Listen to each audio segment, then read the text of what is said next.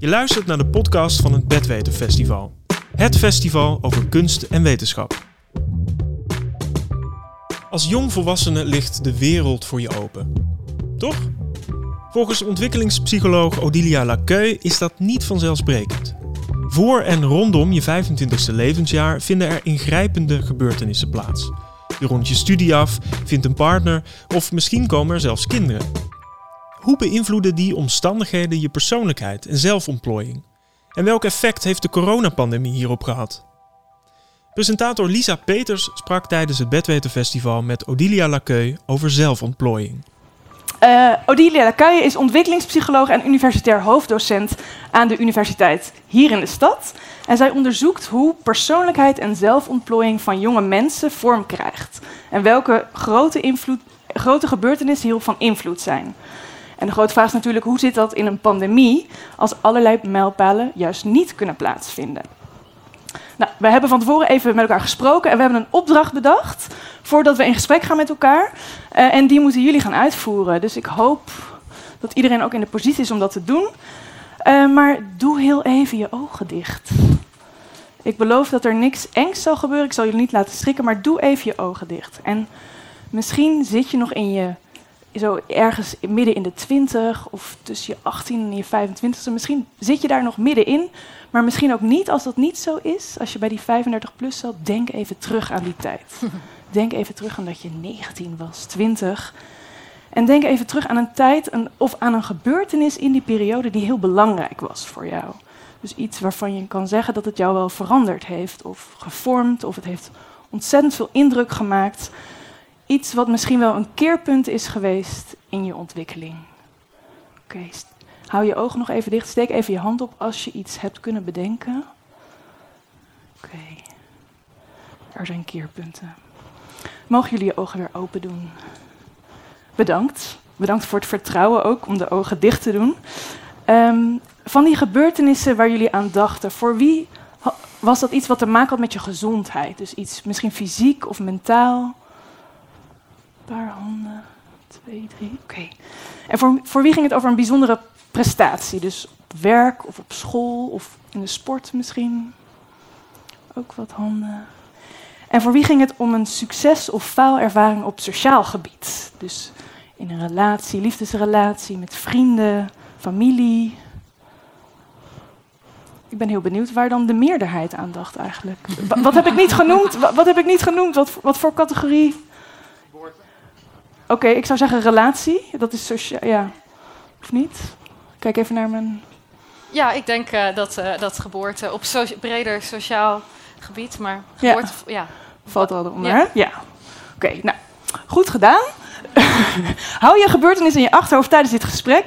Uh, we hebben, je hebt een beetje handen kunnen zien, denk ik. Er waren ook achterin ja. wat die zie je niet zo goed. Denk je dat de zaal een beetje representatief is voor wat jij in je onderzoek tegenkomt? Nou, die bredere categorieën die jij noemde, ja. dat zijn vooral de categorieën die vaak genoemd worden door uh, jongeren. Ja, maar ze deden alsof ze jonger waren. Precies. Maar bijvoorbeeld dat geboorte. Ik moet bekennen oh, ja. dat, dat voor mij het grootste, de grootste mijlpaal ook gaat om de geboorte van mijn kind. Ja. En dat is eigenlijk niet meer zozeer wat je dan hebt, wat we Hmm. meestal aan jongeren vragen. Dat komt vaak net wat later.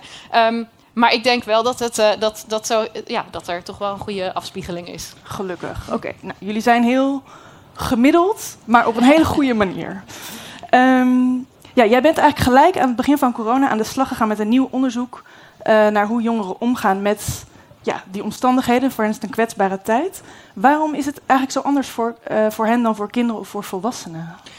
Um, nou, aan het begin van corona is er natuurlijk heel veel aandacht geweest hè, voor, voor kwetsbare ouderen, eenzaamheid, over hè, mensen die, hè, voor, wie, voor wie het werk, uh, ja, angst om werk kwijt te raken, ook terechte angst. Uh, jonge kinderen die moeten leren lezen en schrijven. Um, waar dat misschien hè, in, in, het, in het geding is gekomen. Ja. En eigenlijk dachten we, nou ja, die jongeren hè, die, die redden zich wel. Ja. Maar we zien daarbij over het hoofd dat juist die, hè, die overgang naar de volwassenheid gekenmerkt wordt door zulke belangrijke gebeurtenissen, zulke grote transities, mijlpalen noem ik het zelf graag. Ja. Um, dat, we, dat we daar wel rekening mee moeten houden, dat dat, dat, dat wel plaatsvindt. En ook heel belangrijk is dat 75% van de ehm, psychische aandoeningen bij, ehm, ontwikkelt zich of manifesteert zich eigenlijk voor het 25ste levensjaar. Ja. En die combinatie hè, van die mijlpalen, die ontwikkeling van die psychologische problemen bij, nou ja, bij jongeren. En zo'n uitdaging als corona, dat maakt samen dat, ja. dat, ja, dat, dat voor mij ook van aanleiding was om Ja. daarnaar te willen kijken en dat beter te begrijpen. En, want je zegt heel veel ontwikkelt zich voor dat 25ste levensjaar. Hoe kan dat? Ja, het, zijn, het is eigenlijk een combinatie van factoren, zoals bijna alles in de psychologie. Ehm, het heeft te maken hè, met, die grote, met die grote transities. Ehm, dat gaat om de, nou ja, de restjes, denk ik, van de biologische transities. Hè. Die, die horen meer bij de puberteit, die komen vaak wat eerder. Ja. Eh, maar ook sociale ehm, transities en eh, ja, professionele. Ehm, maar ook een groot deel van de vorming van de identiteit en de persoonlijkheid, die, die, ja, die vindt toch daar plaats. Ja. Hè, naar, naar een volwassen zelf. En ook gewoon de uitdagingen die erbij horen, de druk, dat je iets moet hè, kiezen om te studeren. Dat je, er- Ja. Er zijn heel veel uitdagingen. Ja, En dat eh, hangt daar allemaal mee samen. want wat gebeurt er eigenlijk met iemand als je zeg maar niet die mijlpalen kan uitvoeren, als je niet uit huis kan gaan of een grote reis kan maken, een gap year moest veel overgeslagen worden, als je niet een, voor het eerst een one-night stand in de kroeg kan opduikelen of nieuwe vrienden kan maken, wat, wat doet dat met de ontwikkeling van een persoon? Nou, kijk, het zijn allemaal op zich, als op zichzelf staande gebeurtenissen loopt dat allemaal niet zo'n vaart natuurlijk. Hè. Dat, het gaat er vooral om dat, hè, wa- wat, wat is het doel van die, van die activiteiten? Hè? Die Mhm. vakantie naar Salau, waar we de eerste zomer nog heel lacherig over deden. Ja, Ehm, dat is ook helemaal niet erg dat die specifieke vakantie niet doorging. ja. Maar het is goed om te bedenken, wat is het doel daar uiteindelijk van? En dat is natuurlijk het zelfstandig worden, het autonoom Ja. worden, het je eigen weg vinden. Ehm, en ergens moet je dat wel leren als, ja, Mhm. in, de, in de overgang naar de volwassenheid. ja. En of dat nou Salau is of hè, de, de one-night stand uit de kroeg. Er zijn natuurlijk heel veel wegen die daar naartoe leiden. En ehm, ik denk dat het, wat er, wat, nou ja, in elk geval het risico was, wat denk ik ook gebeurd is, dat voor veel jongeren hun leven een tijdje onhold heeft gestaan. ja. En misschien is, die, is dat onhold staan in zo'n periode van grote transities is Ja. problematischer Ja. dan, ja, dan misschien als je, als je 35 plus Ja. bent. Ja. Mooi gezegd. Dus voor ons is een jaar een jaar, maar misschien we zouden kunnen zeggen als je 19 bent, dan is een jaar bijna een twintigste van je leven. En dan is dat misschien wel vier jaar of zo. Nou, dat denk ik, ja, dat Ja. denk ik wel. En daar komt ook bij dat, dat jongeren de neiging hebben ook, om ook misschien nog wat, ja, wat meer hè, in het nu te leven en Mhm. wat minder. Hè, wel een beetje lange termijn plannen, maar toch iets minder dan, ja. eh, dan, dan volwassenen. Ja. ja. Wat heeft jou eigenlijk het meest geraakt of verrast in je onderzoek? Ehm, wat mij het meest verrast heeft, is dat ik ben natuurlijk psycholoog, dus ik denk aan eh, psychologische kwetsbaarheid van jongeren. En Wat is dat dan? Eh, nou, bijvoorbeeld dat ze hè, gevoelig zijn voor de ontwikkeling van depressie, bijvoorbeeld, hè, of van, ja, van, van snel piekeren. Ja. Ehm, dus dat is eigenlijk mijn default, dat ik daaraan denk als ik het heb over kwetsbaarheid. En Ja. dat we voor het onderzoek hebben we eh, jongeren gevraagd echt mee te denken van, nou ja, maar wat moeten we dan vragen als we dat willen weten? Ja. En die jongeren die kwamen zelf eigenlijk met, ja, maar kwetsbaarheid kan alles zijn. Dat kan in die jongeren zitten, wat ik dus geneigd ben te doen. Ja. Ehm, maar het kan ook met fysieke beperkingen misschien van jongeren te maken hebben. Ehm, maar ook met factoren in de omgeving, in de context van de jongeren. Hè. Dus bijvoorbeeld ouders die kwetsbaar zijn. eh, Mhm. maar ook gewoon ouders die bijvoorbeeld in het ziekenhuis werken. Hè. Als Ja. jongeren nog bij hun ouders wonen, en misschien, ook, misschien door corona ook later uit huis gaan. ehm, en die ouders werken in het ziekenhuis, dan komt dat dichterbij. En die jongeren die definieerden zichzelf eigenlijk als... hey, ik ben kwetsbaarder Ja. in deze context dan mijn leeftijdsgenoten. En we vonden dat, ehm, dat de relaties... Wij vonden dat die jongeren die zichzelf als kwetsbaar zagen... Hè, dus niet per se die ik zag vanuit mijn eh, bubbel als psycholoog als Ja. kwetsbaar zag... maar die, zij zelf, die zelf vonden dat ze kwetsbaarder waren... dat die meer geraakt werden door de maatregelen... Ja. eh, bijvoorbeeld in het, nou ja, de beperkingen van het sociale contact met andere, eh, met leeftijdsgenoten. Doe je dat vaker, dat je onderzoek wat je doet naar je doelgroep ook mede laat vormgeven door die doelgroep? Ehm, ja, maar dat hebben we hier wel, wel uitgebreider gedaan. Ja. Dat was ook omdat het in samenwerking was met de Nationale Wetenschapsagenda, die, ehm, ja, die dat eigenlijk meerdere projecten had, ehm, waarbij dat allemaal, bij al die projecten samen was dat heel belangrijk. En jongeren waren eigenlijk uitgenodigd om zelf vragen in te dienen voor onderzoek. Ja. En daar, kwam mijn, daar was mijn project ook aan gelinkt. Ja. Dus we hebben dat ja, veel, een veel prominentere rol gegeven. Ehm, en ik denk dat dat, eh, dat dat iets is wat blijvend zou moeten zijn in onderzoek. Dus dat deed ik al wel, maar hier veel uitgebreider. En hoe zie je dat dan bijvoorbeeld bij, bij, het, bij het vormgeven van die coronamaatregelen? Zijn die jongeren, dat zei je net, eigenlijk in eerste instantie helemaal niet meegenomen? Ehm, is, is dat veranderd hoe we daarnaar zijn gaan kijken? Aan het, eigenlijk hebben ze het aan het begin een beetje laten stikken. Wij dachten, jullie redden het wel. Of wij dachten. Ik weet niet wie het dacht, maar... Ja, nou ja, ik denk wel dat er in het begin veel te weinig aandacht voor is geweest. Dat het veel te laat is gekomen en dat het te weinig is geweest. Ja, Ehm, en dat is enerzijds is dat begrijpelijk, hè? omdat als je bijvoorbeeld kijkt naar studieresultaten van, van studenten, is dat eigenlijk best wel goed gegaan. Ze hebben, ze hebben dat op heel veel vlakken heel goed gedaan. En dat laat vooral zien dat ze ook heel veerkrachtig zijn. Ehm, maar het doet, het doet geen recht aan de last die ze wel ervaren hebben. nee. En we hebben ook gezien dat, hè, dat jongeren zich daardoor ook wat minder betrokken voelden. Hè? En eh, dat dat natuurlijk niet. Waar- waarbij? Bij- Nou ja, bij de, eh, de beslissingen, eh, bij de, hè, de hele taal vanuit de overheid is niet gericht geweest op jongeren. dat primair. samen Dat- doen, maar niet met de jongeren ja, precies. En als er, nou ja, als er dan veel kritiek is op jongeren, hè, dat, ze, Ja. dat ze niet meedoen aan de regels. Egoïstisch zijn, Ja, dan superspreaders. Kun je wel, hè, dat, ik wil dat, dat, dat ze rommel achterlaten in het park en zo. Hè, Ja. dat, eh, dat is zichtbaar. Ja. Ehm, maar het is wel, ik denk wel dat het een interessante vraag is hoe zich dat verhoudt tot het wel of niet includeren van jongeren, niet alleen in onderzoek, maar ook in Ja. beslissingvorming. Ja, misschien hebben, is er te weinig begrip geweest. Ik denk, ik denk dat wel. Ja, ik denk Ja. dat draagvlak vooral ontstaat als er ook begrip is en als mensen gehoord worden. Ja. En dat geldt natuurlijk sowieso voor jongeren ook. Wat ik ook mooi vond is dat jullie, eh, eigenlijk heb je met een enquête of een vragenlijst, heb je, hoeveel jongeren heb je eigenlijk gevolgd? Eh, ongeveer duizend. En de, de laatste vraag was een open vraag, dus dan mochten Ja. ze nog zelf iets toevoegen. En ehm, ik heb één quote van een jongen die ik heel mooi vond, die ik even wil voorlezen. Ehm, en hij, ik denk dat het een hij is, hij zegt... Ik vind dat de coronamaatregelen mijn leven heel zwaar negatief beïnvloeden. Studievertraging, geldzorgen doordat ik wel een kamer moet huren, maar geen inkomen heb. Geen nieuwe vrienden kunnen maken, terwijl ik helemaal alleen ben begonnen aan een studie in een nieuwe stad. Ontvreemding van oude vrienden. Over het algemeen veel minder plezier in het leven. En dat terwijl ik zelf waarschijnlijk niet eens ziek word van het coronavirus. Ja, hoe, hoe luister jij daarnaar? Ja, ik, ik denk dat het. Hè, dat het geeft zo'n ander beeld dan wat we in de media zien. En ik denk dat het er allebei naast elkaar kan bestaan. Ja. En dat, dat dit, hè, dat dit heel mooi laat zien hoe het, jongeren, hoe het jongeren, hoe jonge mensen raakt. En vast niet alleen jonge mensen, maar dat is wel natuurlijk waar mijn ja, eerste interesse naar uitgaat. Ja. En waarvan ik vooral vind dat er te weinig oor en oog voor is geweest. Ja. Stel dat jij nu tussen de 18 en 25 was geweest afgelopen jaar. Wat, wat voor groots had jij dan niet kunnen doen? Wat voor jou wel eigenlijk een, een mijlpaal is geweest? Ehm, nou, voor mij wat ik, wat ik zeker niet had kunnen doen... is dat ik na meteen na mijn eindexamen een jaar eh, naar het buitenland ben geweest. Ik was naar Mhm. Londen. Mhm. Ehm, dat had misschien nu net weer gekund... maar een jaar geleden was dat natuurlijk ondenkbaar geweest. ja. En Ja. dat, eh, ja, dat is hè, een van die voorbeelden van het begin van... je hoeft niet per se naar Londen, je hoeft niet per se een jaar weg... maar ergens ja, heb je wel, wel ervaringen nodig die hè, maken dat je ziet hoe groot de wereld is... hoeveel mogelijkheden er zijn en hoe, ja, hoe je zelfstandig en autonoom wordt. ja. Wat heb je toen gedaan in Londen?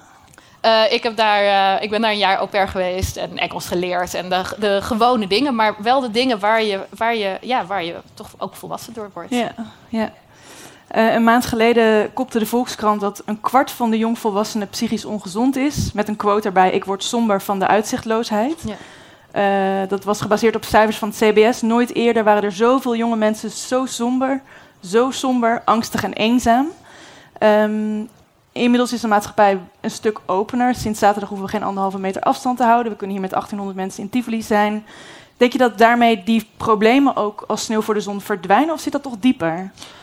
Ehm, kijk, ik geloof heel erg in veerkracht van jongeren. Ik denk echt dat, hè, dat heel veel jongeren heel snel hun leven oppakken en, en het prima redden. Mhm. Ehm, maar ik denk wel dat, hè, dat de nasleep toch wel, wel, la- wel, wel langer is. Voor, voor ook wel voor een grote groep jongeren. ja. Hè? En ehm, ja, wat, wat echt de lange termijn effecten zijn hè, in deze context, dat weten we niet. Nee. Maar we weten wel van andere, hè, van meer, meer van, van gebeurtenissen hè, op individueel niveau, dat dat echt langdurige effecten kan hebben. En wat voor effect moet ik dan aan denken? Ehm, nou, in termen van, hè, we weten dat, dat stressvolle gebeurtenissen en narigheid, in, zeker in de jeugd, maar ook later nog, Mhm. effecten heeft op de ontwikkeling van psychopathologie.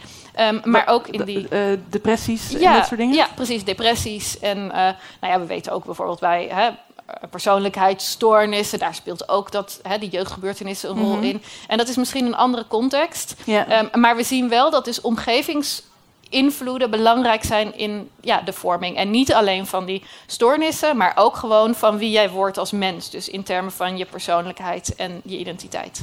Ik had eigenlijk altijd het idee dat een persoonlijkheid ook iets vrij vaststaand is in je. Je hebt die testen, de Big Five persoonlijkheidstest. En daar zie je wel altijd zo veranderingen over tijd bij mensen. Maar ik had het idee dat het altijd toch een vrij stabiele kern is. Maar als ik jou zo hoor, dan hebben, heeft de omgeving daar toch meer invloed op. Nou, eh, het, is heel, het is behoorlijk stabiel. Hè? We weten Ja. dat het een genetische component heeft. Het heeft een omgevingscomponent. Het is eh, grotendeels stabiel. Zeker als je op groepsniveau kijkt. Hè? Als jij als kleuter het meest verlegen kind in de klas was... dan ben je, dat, hè, ben je misschien dat op de basisschool nog steeds... en op de middelbare school nog steeds behoorlijk verlegen. Ehm, maar je ziet enerzijds dat er patronen zijn... gewoon met het volwassen worden. Hè? Dus wel in relatie tot die mijlpalen. Ja. Eh, het uit huis gaan, het een eerste baan, een kind krijgen, dat, dat laat zien. Hè, dan gaan er kleine patronen in je persoonlijkheidsontwikkeling. Dat geldt eigenlijk voor iedereen. Eh, Ja. Maar daarnaast, en waar ik vooral in geïnteresseerd ben, is die individuele verschillen. Dus dat als je iets heel heftigs meemaakt, dat dat in elk geval tijdelijk toch een soort ja, deukje kan geven in eh, als je kijkt naar die, die, die instrumenten die persoonlijkheid eh, meten. Ja. En hoe lang dat dan precies is en of wie je daarna dan bent dan precies dezelfde is die je geweest was zonder die gebeurtenis. Er zijn toch wel aanwijzingen dat dat toch niet helemaal zo is. Dus Ja. we definiëren onszelf in termen van, hè, van stabiele persoonlijkheid. Zeg, ik ben introverter, ik ben verlegener of ben Ja. juist extraverter. Ja, Ik hou van spanning. Ehm, dus dat is niet morgen anders. nee. Eh, maar daar zijn wel kleine veranderingen in mogelijk. En die, die, hebben ook te- die worden deels bepaald door wat je meemaakt. Zou het dan bijvoorbeeld ook kunnen zijn dat een extravert persoon extraverter wordt omdat hij zoveel mensen om zich heen verzamelt en de hele tijd? Ehm, ja, ja want, want ja, je creëert ook deels je eigen omgeving natuurlijk. En dat Mhm. heeft... ehm, hè, sommige dingen overkomen je.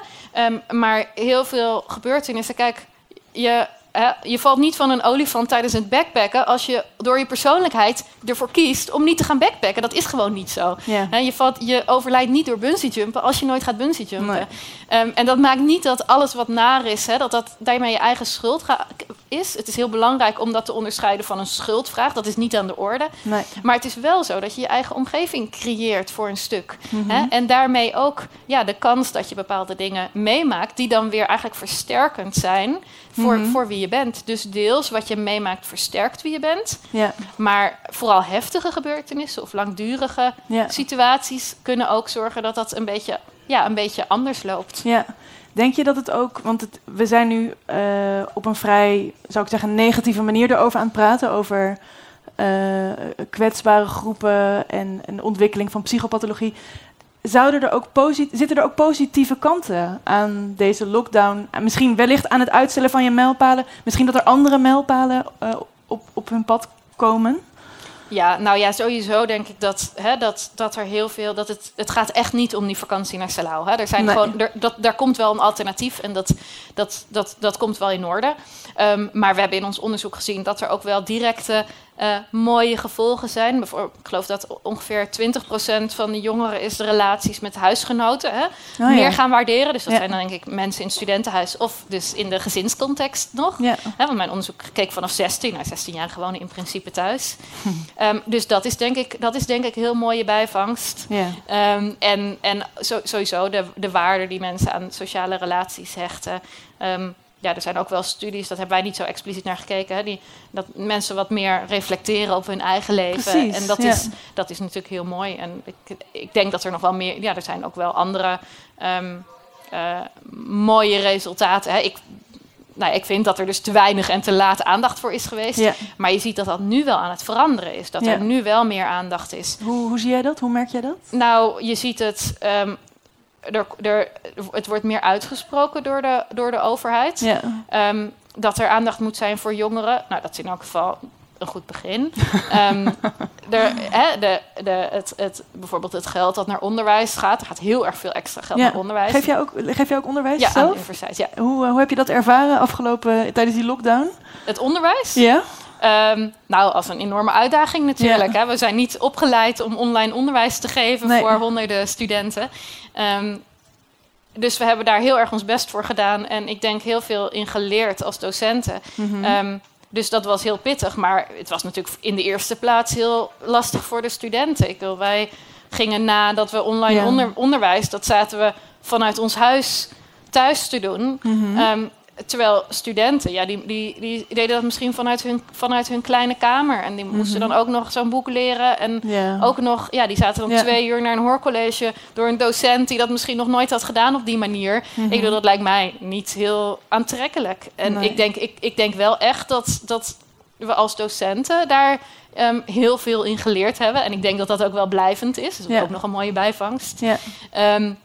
Eh, maar ik denk dat, eh, dat het vooral gaat om of het voor studenten acceptabel was. En als je kijkt naar, Mhm. de, naar de studiepunten, dan is dat eigenlijk best wel goed gegaan. ja. Ehm, Maar als is, hoe je, gaat het met ze? Precies, Ja. als je kijkt naar hoe hebben ze het ervaren, Ja. dan, ja, dan zijn er natuurlijk heel veel indicaties dat het geen pretje was. Dat het moeilijk was, Ja. Ik onderbrak je net, je was nog even aan het vertellen over hoe je ziet dat er nu eigenlijk meer aandacht is voor jongeren en deze groep. Oh, ik wilde nog één ding noemen. En dat is dat er ehm, dat eh, zorg voor eh, dat de toegang tot, de, hè, tot, tot hulp voor jongeren Ja. eh, vaak best wel lastig vindbaar was. Dat was niet zo laagdrempelig. Ehm, en je ziet dat er heel veel initiatieven zijn die specifiek gericht zijn op jongeren nu. Hè, dus je had bijvoorbeeld je hebt de kindertelefoon en je hebt dingen voor senioren. En je ziet dat er nu veel meer komt, ook voor jongeren. En dat dat echt wel behoorlijk goed vindbaar is. Als je dat googelt, dat je eigenlijk meteen allerlei mogelijkheden vindt. En ehm, ik denk dat dat ook een. Ik hoop dat dat een blijvertje is, maar ik heb daar wel vertrouwen in. Ik denk Ja. dat dat een hele verbetering is. Mooi.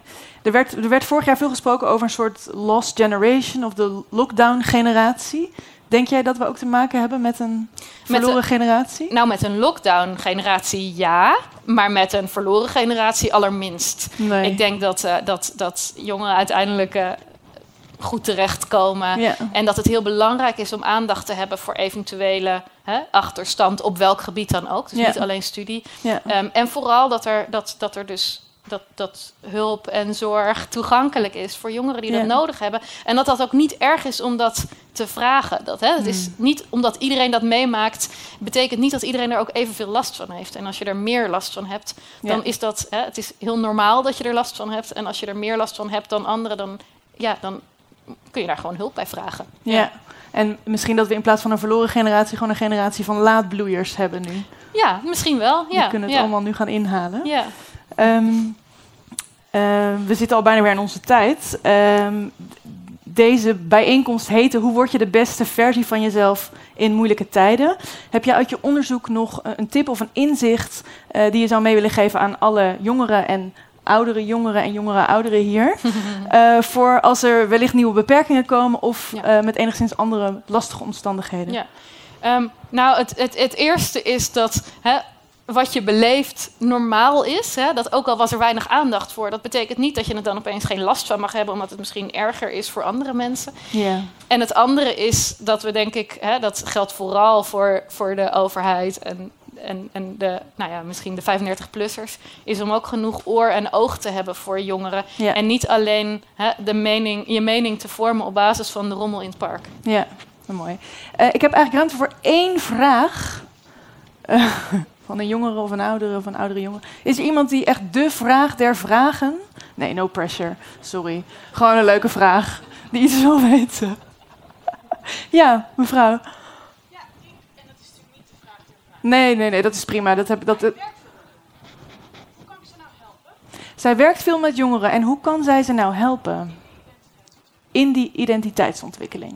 Ja, eh, ik denk dat gewoon echt, echt luisteren en ze onderdeel maken eh, ook van, van de oplossingen. Hè. Jongeren zijn super creatief en ze hebben heel veel, ze- ja, heel veel eigen, eigen ideeën. En hè, niet alleen vertellen wat ze moeten doen.